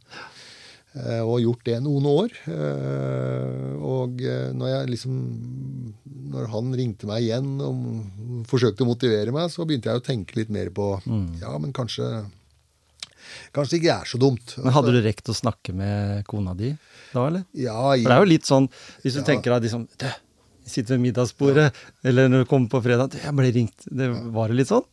Jeg kan ikke akkurat huske at det var akkurat sånn, men det er klart at vi snakka om Når jeg, når jeg ble kontakta og var i den prosessen, så snakka vi jo om dette. Ja, Eh, Men jeg har jo hatt eh, Jeg har jo ei eh, jeg sier fantastisk støttende kone, da. Så jeg har, eh, har eh, hatt mye støtte egentlig opp igjennom eh, i forhold til de valga jeg har tatt sånn yrkesmessig, karrieremessig. For det er ikke til å legge skjul på at jeg, det har vært mye, mye jobbing i perioder. Ja.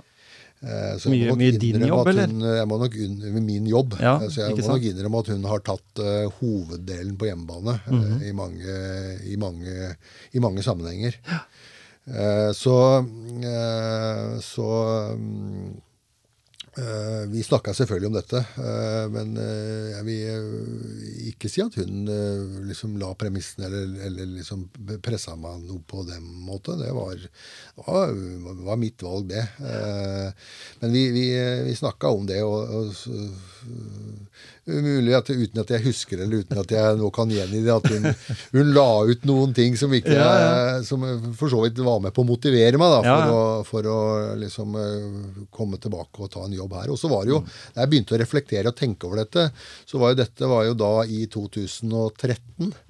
Eh, og det var, når jeg begynte å liksom se og hvor lenge er det siden sist det har vært spennende jobber i området her. Eh, for jeg begynte, etter hvert jeg begynte å tenke på jeg kan ikke, kan ikke holde på med dette til jeg blir pensjonist. Jeg kan ikke fortsette med ukependling. liksom Jeg, Jeg har mange år igjen ennå. og Jeg Ja. kan ikke fortsette med dette. Jeg må jo, Hvis vi skal fortsette å bo Vi hadde ikke noe tenk, tanke om å og Da begynte jo øh, ungene å bli store etter hvert, og, og i ungdomstida i hvert fall sånn. Og vi, eh, vi hadde ikke noe tanke om å flytte på oss. Så, mm, så vi ja, føler at vi liksom hadde grodd fast, så fast her at det ville, måtte bli, bli her vi bodde. Mm. Så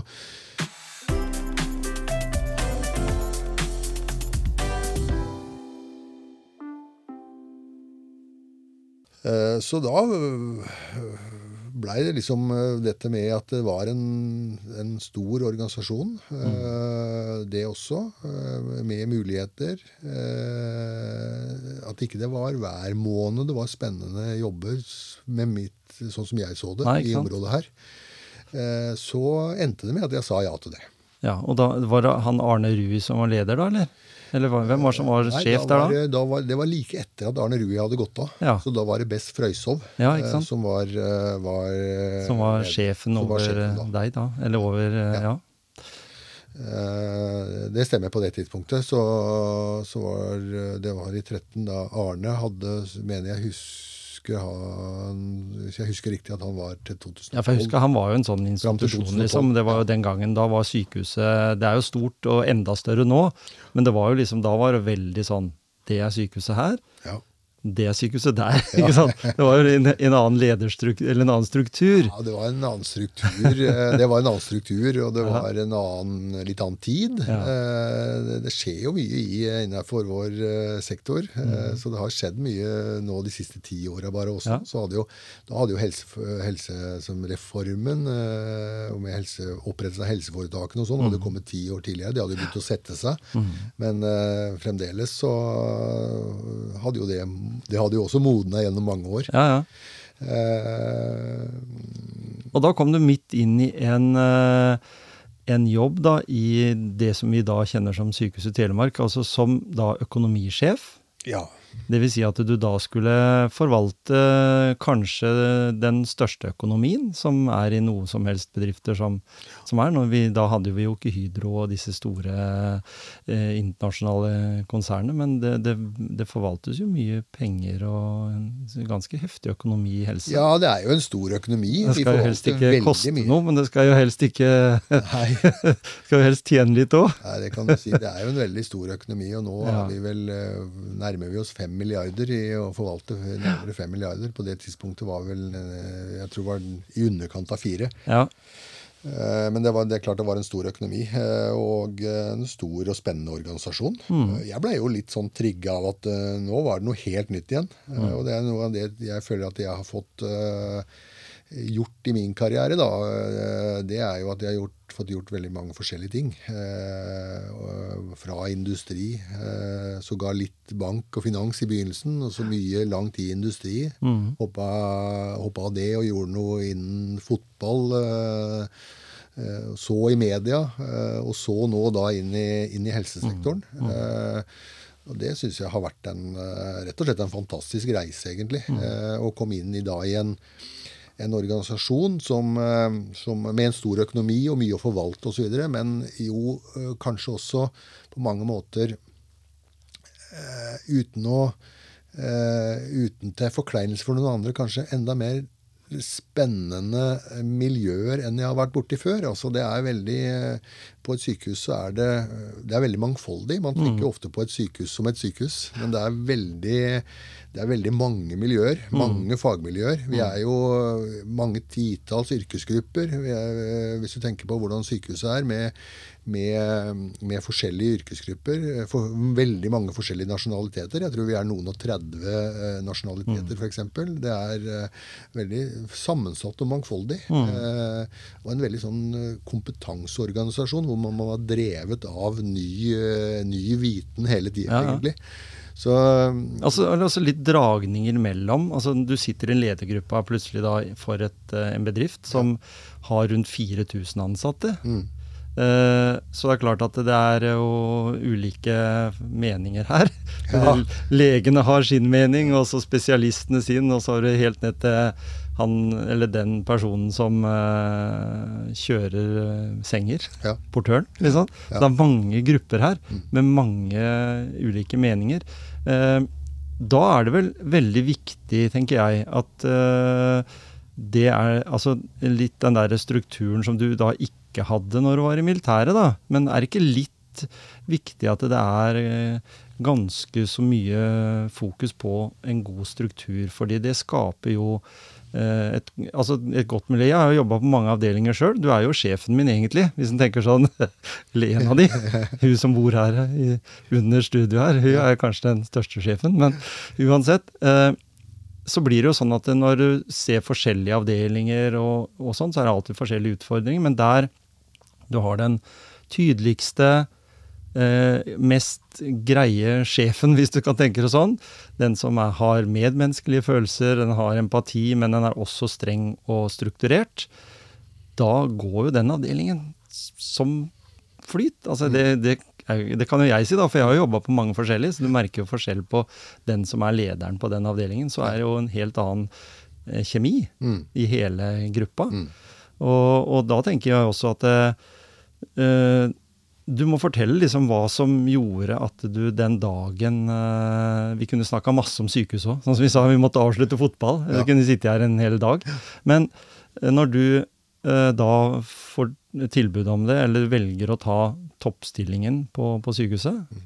så, så, har du jo måttet gjort noen inntrykk i organisasjonen. For det er jo et styre som sitter der og, og tar avgjørelse på at eh, nå vil vi ha Tom Helge som direktør. Det er ikke sånn at du sier at 'den der jobben er min'. Eller var det sånn? Nei, det er vel ikke akkurat sånn det foregår. Uh, Nei, det er jo det er klart at når du får en, eh, når du får en, eh, en ny jobb, får en ny rolle, når du får et ansvar, så er det jo noen som ser noen kvaliteter ved det. Ja. Eh, Vi, er jo, vi liker jo å være beskjedne, men vi kan jo, må jo være så ærlige at det er jo noen da som ser et eller annet som gjør at de tror at du passer til den rolla. Ja. Så det var det, var det helt sikkert. Eh, eh, så er jeg jo ikke Jeg var jo ikke beskjeden når liksom jeg blei kontakta rundt dette. Så sier jeg at det, det kan jo jeg tenke meg. Eh, så jeg var jo du, du, får- Du satt jo rundt det bordet allerede. Jeg satt jo rundt det bordet Ja. allerede. Mm. Eh, Nei, og jeg tror det er, eh, det er sånn som du sier, at noen ser da noen, eh, noen kvaliteter som gjør at du, du, du, de tenker at du kan passe til den, eh, den rolla. Mm. eh, og eh, sånn var det sikkert i mitt tilfelle også. Eh, og så er det noe med at du må samtidig da jeg signalisere i sånne situasjoner at dette har du veldig lyst til. Dette tror du at du vil For, du, for det handler jo om Du går jo inn i rolle. Dette er jo også en rolle hvor du liksom eh, du, du holder ikke på med dette hvis ikke du er motivert. Nei, ikke sant? Det, det, er ikke, det er ikke mulig, på en måte. Eh, Du må finne en, en drive og en motivasjon for å For det er såpass krevende at du må Hvis ikke du gjør det, så er du på en måte solgt. Eh, Så det må du jo også signalisere, selvfølgelig. Eh, eh, Nei, men jeg tror jeg har noen, eh, noen eh, Jeg har som alle andre noen, eh, noen kvaliteter og noen mangler. Men jeg tror jeg er veldig Jeg tror jeg er Jeg er jo system Altså har jo system og jeg har struktur. Mm. Jeg er, eh, jeg er veldig sånn transparent, tror jeg. Altså, Jeg pleier å si i en del sammenhenger det du, det du ser, det er det du får. Eh, Ja. Jeg har, er veldig dårlig på sånne skjulte agendaer og andre ting, og kan jo ofte eh, ikke forstå altså Av og til så er det jo, enten du er i et sykehus eller du er andre steder, så er det jo litt sånn Noen eh, holdt på å si, eh, spiller litt, noen drar i noen tråder, trekker litt sånn, og det, ofte så oppdager jeg at dette forstår ikke jeg noe av, egentlig. Så jeg er veldig sånn eh, Det du ser, det er altså eh, åpen, og det du ser, det får du. Så Eh, og så er jeg jo målretta, eh, altså i den forstand at jeg er veldig tydelig på at jeg ønsker å oppnå, oppnå noe. Og, og tenker også at det er jo ting som motiverer meg i seg sjøl. Det å få til noe, og mestre noe, og, og, og oppnå noen resultater. Eh, det er en viktig del av, av det. Men sånn du snakka om barn her tidligere, har du tre barn? Jeg har to. To barn. Ja. Eh, bare jenter? Jeg har to jenter. Ja, ikke sant? Og så har jeg har jeg to barnebarn òg, da. Ja. Det må ikke glemme de. Er det jenter òg? De er også jenter. Ja, ikke sant? Jeg Der er har vi- med mye jenter. Det er helt likt. Ja. Jeg har også to jenter, og da er jeg vokst opp med tre. Eh, og når du da sier ja til å bli sjef eh, på verdens Nei, eller altså Telemarks største kvinnelige arbeidsplass, Mm. for det er jo det, helse, helse generelt, eller i Norge, da, Ja. er jo desidert eh, dominerende av damer. Måtte du ha noen sånne egenskaper fra hjemmet som du liksom tok med deg på veien? For det er klart du støtter jo på eh, det miljøet, da. Når du fra å være økonomi, så kunne du på en måte lokke deg inn i det og si at ja, men det er pengene, det er pengesekken. Nå skulle du også være eh, ha med personal å gjøre, selv om du hadde andre som jobba med det òg, så, så skulle du liksom se hele strukturen plutselig. Uh, var det viktig da? Jeg sier ikke det at uh, Ta liksom med deg de erfaringene du har hjemmefra, for jeg må jo bruke det hver dag. Jeg jobber jo med mye damer sjøl, så jeg ser og vet jo det hvilken, hvordan en møter den hverdagen. Vet du hva, det der, tror jeg ikke, det der perspektivet det, det tror jeg ikke jeg hadde, eller Nei. har tenkt på. Nei, ikke? Eh, jeg, eh, Nei, jeg tenkte bare vi gutta som har mye hjem, jenter hjemme, vi, vi får jo liksom både premenstruelle og, og overgangsalder liksom sånn i lett kombinasjon. Altså, mm. når vi får barnebarn Jeg har jo to jenter sjøl der, jeg òg. Så, så en vet jo det at en er en er eh, man, eh, altså vokst opp menneske, menn vokste opp i kvinne, kvinnesamfunn, sånn sett. Jeg har ikke tenkt så mye på det, men det kan hende at jeg er mer påvirka av det enn jeg tror. Men jeg må innrømme at eh, i forhold til jobben så tenkte jeg ikke så mye på det. Nei. Uh, det tror jeg blir litt sånn feil også, at jeg skal tenke Ja, på det sant? i jobben. Altså, Jeg at, tenker ja. jeg tenker jo at uh, vi er jo forskjellige. Eh, Vi er også like. Mm. Ja. Mm. Og kvinner er også forskjellige. Menn er forskjellige. Så, Så vi er jo, og det er jo noe av det som er uh, spennende, og kanskje også utfordrende ved, et, uh, ved en uh, arbeidsplass som Sykehuset Telemark, at vi er mm. veldig mangfoldige. Mm. Det er, det, er, liksom det, det, er vanskelig å sette folk inn i liksom sånne bastante rammer. Ja. og vi er så sammensatt. og jeg tror ikke jeg har tenkt mer på det enn dette kjønns, kjønnsforskjellene. da. Mm ikke reflektert så mye over det. Jeg er opptatt av at det kanskje ikke skal jeg skal reflektere så mye over. Heller, Nei, ikke sant? Jeg, jo... jeg skal på en måte forholde meg til mm. mm. med medarbeidere og alle ansatte ja. på sykehuset, uavhengig av uh, både kjønn og, og, ståsted og etnisk bakgrunn og alt mulig. Så mm. For det er jo sånn, ja, for det er sånn, Der er jeg enig med deg i det. fordi der, det er jo sånn at vi må være en stor familie. Vi må gjøre like arbeidsoppgaver.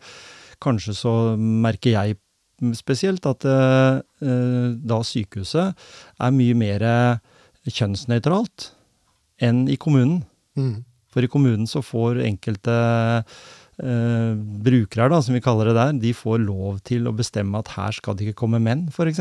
Eller uh, vice versa. Ja. Uh, det er litt vanskelig å si at en vil ikke at det skal komme damer, for da er det ikke så mange menn å ta. Nei. Men det er litt sånn. Men på sykehuset så er det profesjonelt. Det er liksom da Der er vi alle. Jeg føler i hvert fall at, det, at en må stå i det, og, og, vi er på en måte ikke noe kjønnsrelatert, eller kultur, eller, eller hvilket land du kommer fra. Vi, vi, må løse oppgavene.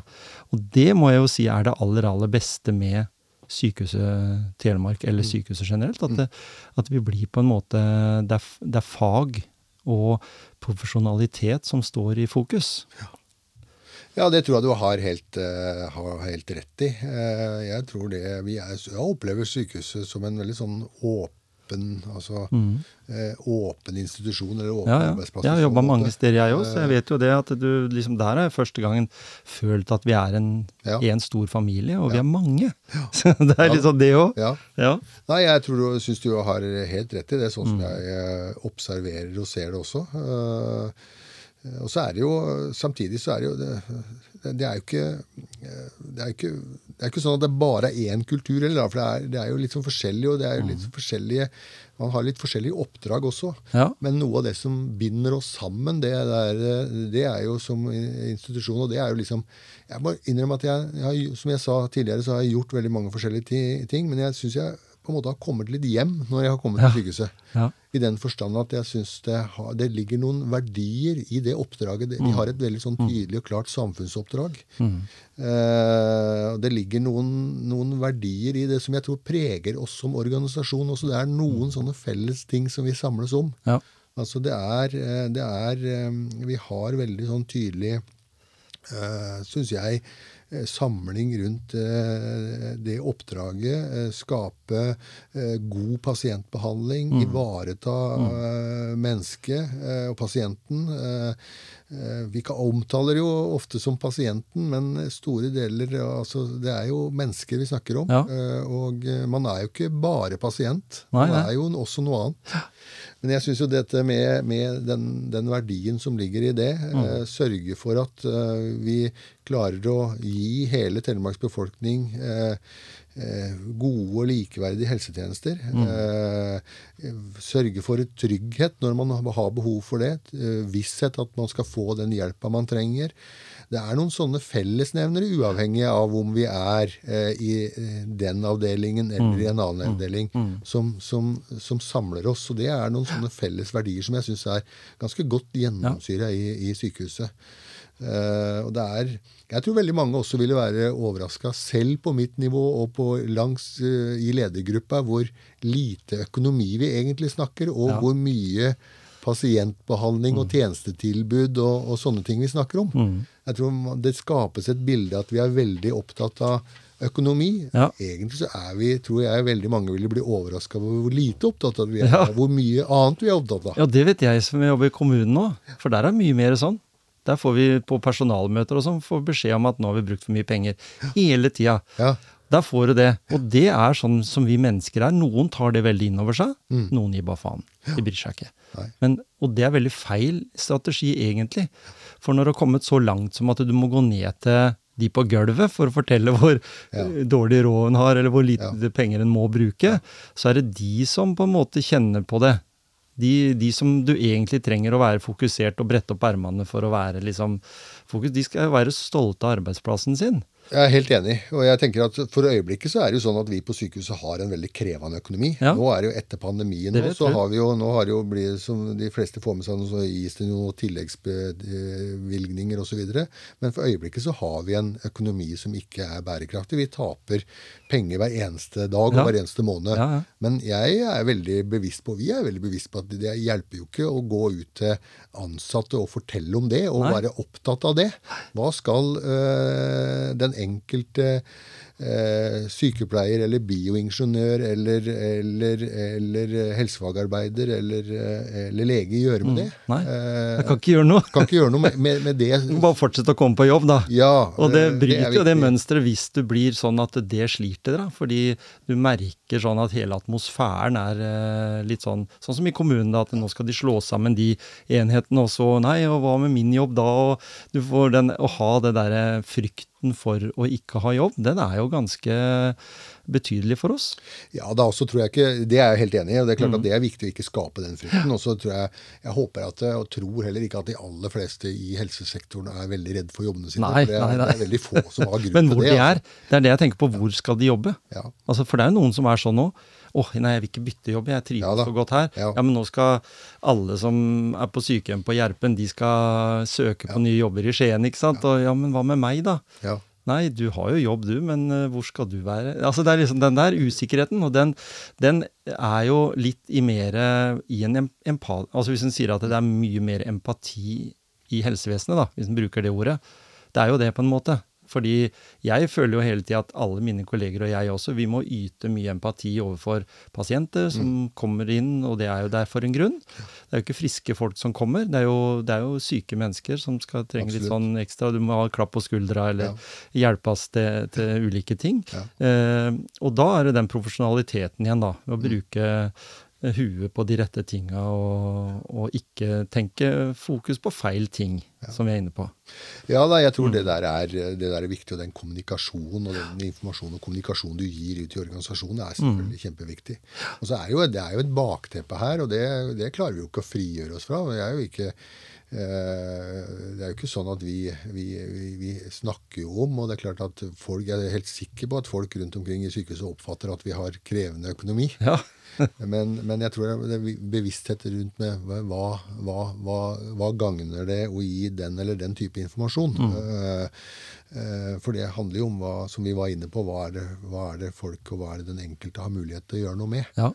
Eh, Men det som jeg, eh, det som jeg tror vi må, må jobbe mer med i åra som kommer, det er fordi at nå har jo vi har akkurat fått en helsepersonellkommisjon og rapport hvor vi sier at vi får eh, vi får, vi får færre yrkesaktive, eh, og vi blir stadig flere eldre. Så vi må, vi må jobbe litt med endring, omstilling, og det kommer nok til å bli en del av hverdagen vår. Og Da er det jo viktig å ikke skape den der utryggheten som du også nå sier. fordi at det er klart folk er seg sjøl nærmest på mange måter og er Ja. opptatt av, av, av trygghet og sin egen situasjon. Hva skal de gjøre? Hva, hva slags oppgaver skal de ha? Uh, og alt det der er viktig å forsøke å fange opp i sånne prosesser da, og håndtere på en god måte. Vil det, vil det si det at nå har vi jo vært innom de stedene du har jobba, og eh, du har jo på en måte snakka mye om motivasjonen din, både fra det at det var fra tilfeldigheter, 11.9., til eh, de valga du har gjort. Eh, og det er jo mye om motivasjon. Det er for liksom lytterne, for de som vil tørre å, å, å våge å se etter en stilling som du føler er kvalifisert til, og liksom ha trua på at du kan gjøre en god jobb der.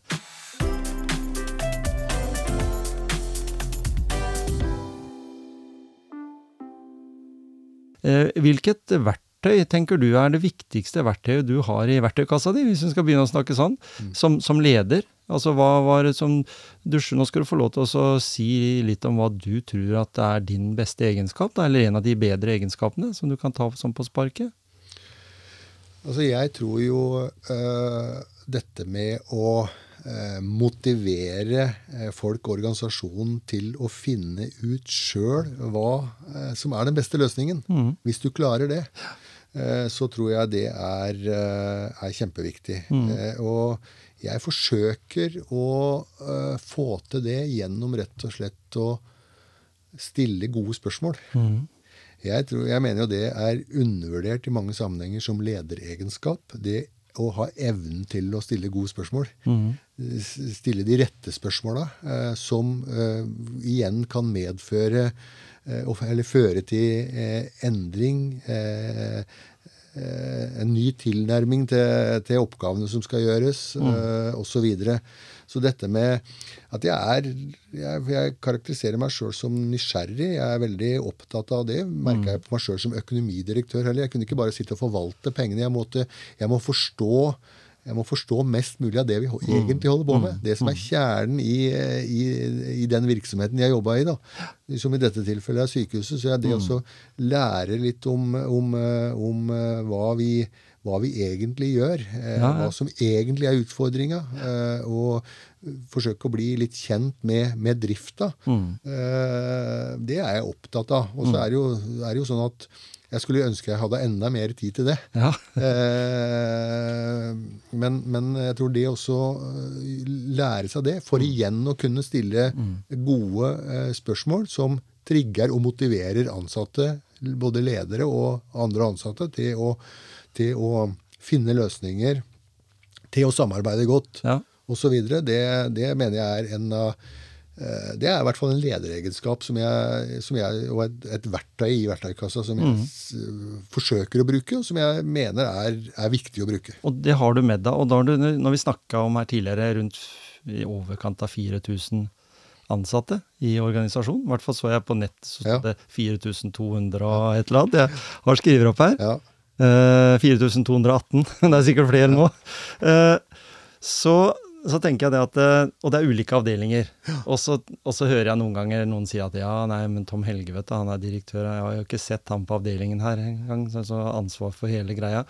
Så begynner vi liksom å tenke jeg, Og jeg tenker jo sånn sjøl, for jeg har vært leder for eh, bedrifter sjøl. Så tenker jeg, hvis du skulle begynt da på den runda di, og det gjør du jo innimellom, sånn at en må liksom rundt for å se hvordan det ser ut nede på, på gulvet, hvis en skal Ja. si sånn, så, så, så ville du jo holdt på i ganske mange uker.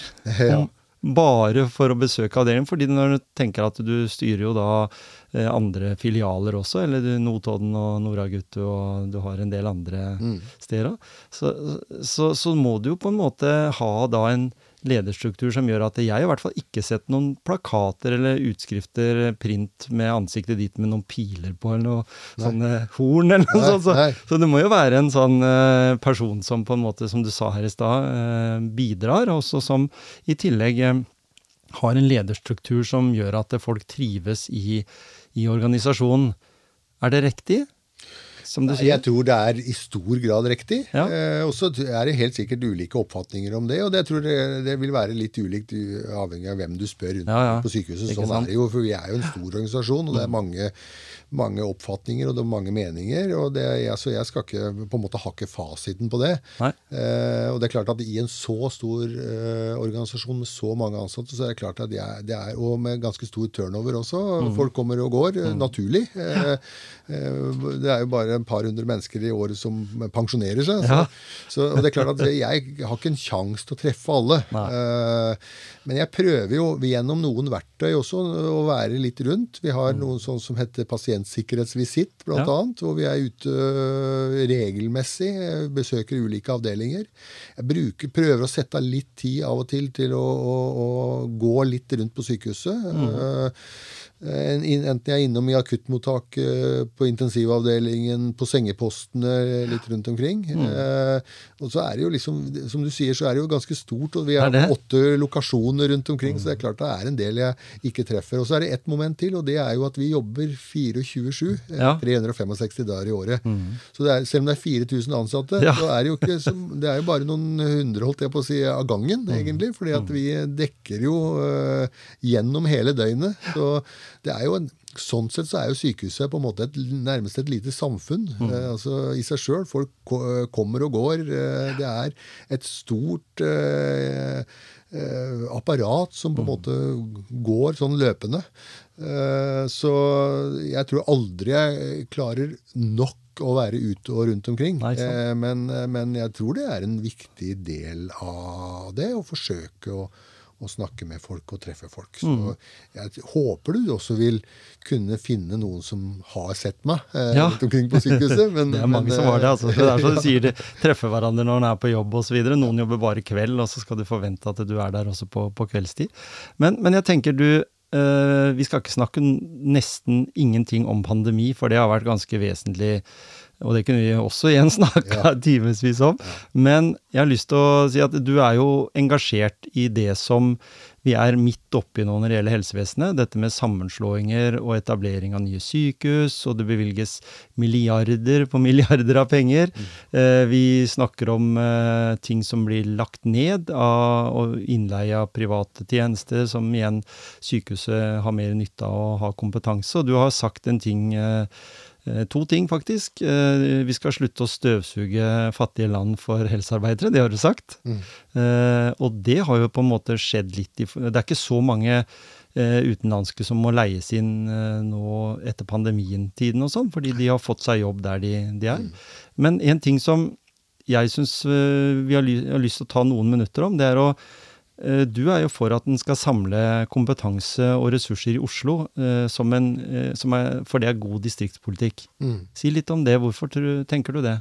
Ja, det tenker jeg fordi at um, Oslo er jo i dag veldig delt Riks, mellom Rikshospitalet og Ullevål. Mm. Mm. Eh, og de har veldig mange dubleringer, ja. eh, både av vakt og beredskap og, og, og, og faglinjer. Mm. Eh, og det er etter min oppfatning veldig ressurskrevende. Uh, og det er veldig korte avstander. Jeg tror mm. det er uh, eh, 13 minutter med trikken. Eller noe ja, ikke sant? Ja.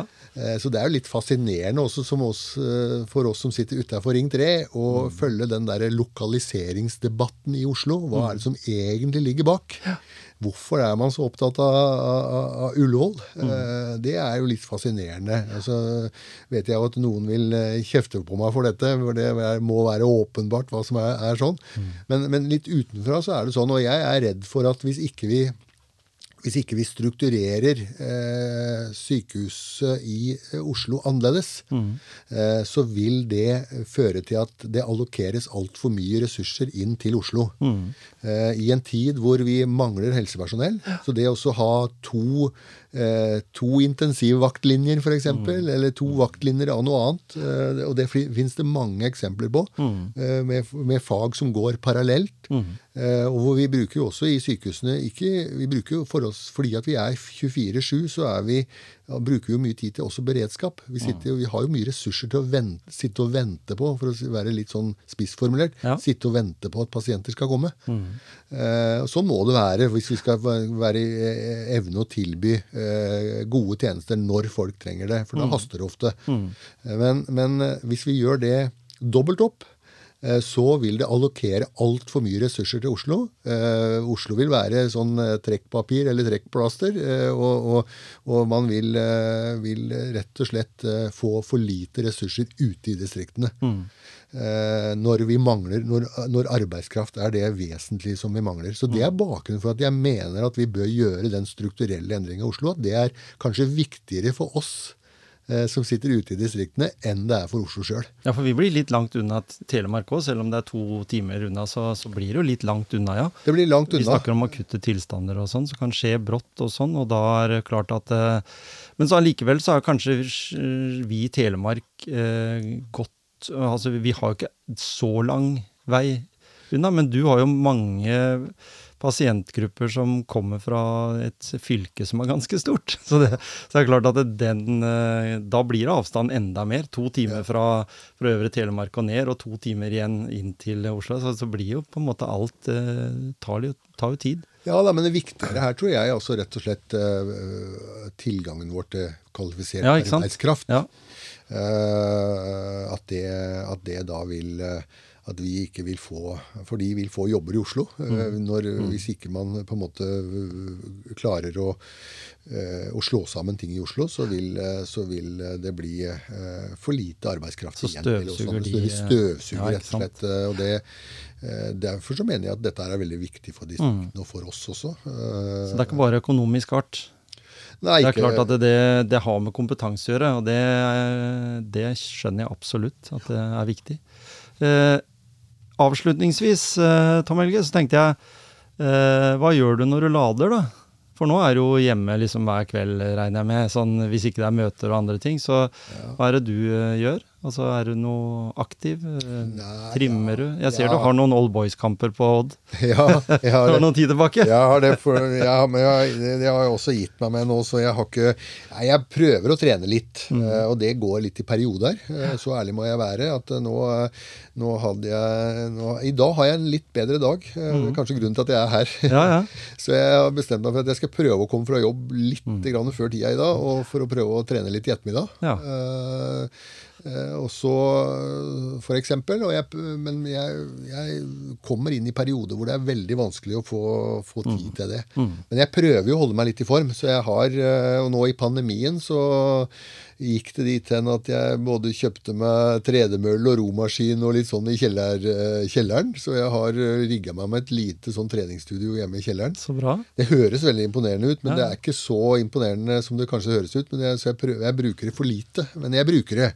Bruker det øh, og, og har stadig ambisjoner om å bruke det mer. Ja, ja. Eh, Men, men det er liksom det å holde meg i form og være i gang liksom en, en to-tre ganger i uka som er, er ambisjonen nå. nå.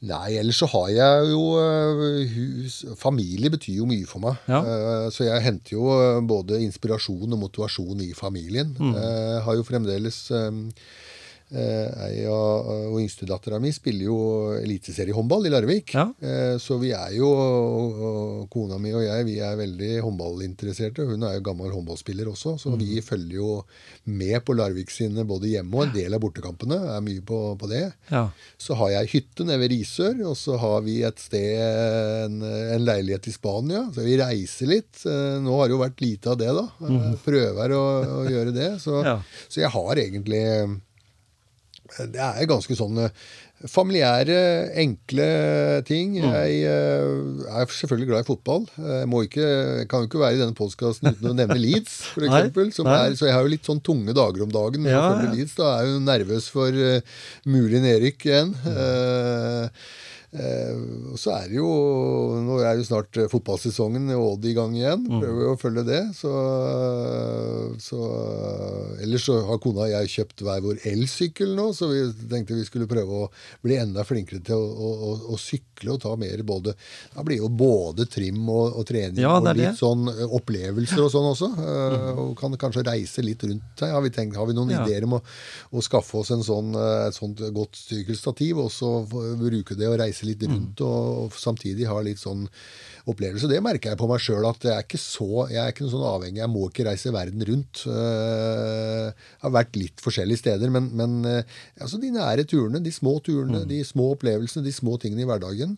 Og så er det jo fantastisk med to barnebarn på, på seks og to år. Ja, ja, som, nei, eh, som gir masse inspirasjon og, og motivasjon til å holde på. Ja, for da er det jo skikkelig motivasjon, det, ja.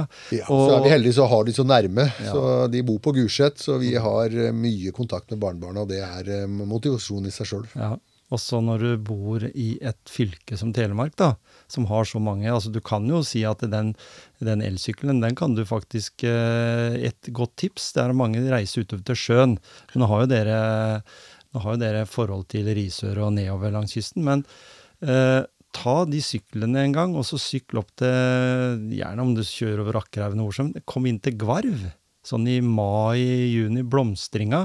Se på utsikten mot Lifjell. Jeg har sittet der sjøl, sykla rundt eh, Nordsjø. Og sittet der med en kompis, og vi tok matpakka vår eh, rett ved Lindheim. Og kikka oppover Telemark. Telemark. det er noe av det flotteste. Jeg bare sier her nå, så får jeg liksom sånn Håret reiser seg på ryggen. Det Ja, sånn er det for meg òg. Jeg, Ja. jeg tenker det, også, det er den type som det du beskriver, Ja, ja. og den type opplevelser. Mhm. Det trenger ikke være mer enn det. det er, eh, og det, setter jeg mer, og- det merker jeg på meg sjøl. Det setter jeg mer og mer pris på. Ja. Så det, der fikk jeg lyst til. Og sånn bare, Det er jo ikke lange svippturen det, med, med batteri i tillegg. Så, så går jo alt som lekende lett. Og så i tillegg så, så blir den akkurat så god trimma at en syns det er deilig for kroppen òg. Ja. Så det anbefaler jeg, Ja. og det tenker jeg vi ser uh, deg og fruen på elsyklene oppover der i uh, om ikke så altfor mange ukene. Det får vi prøve. Tusen hjertelig takk for at du tok turen.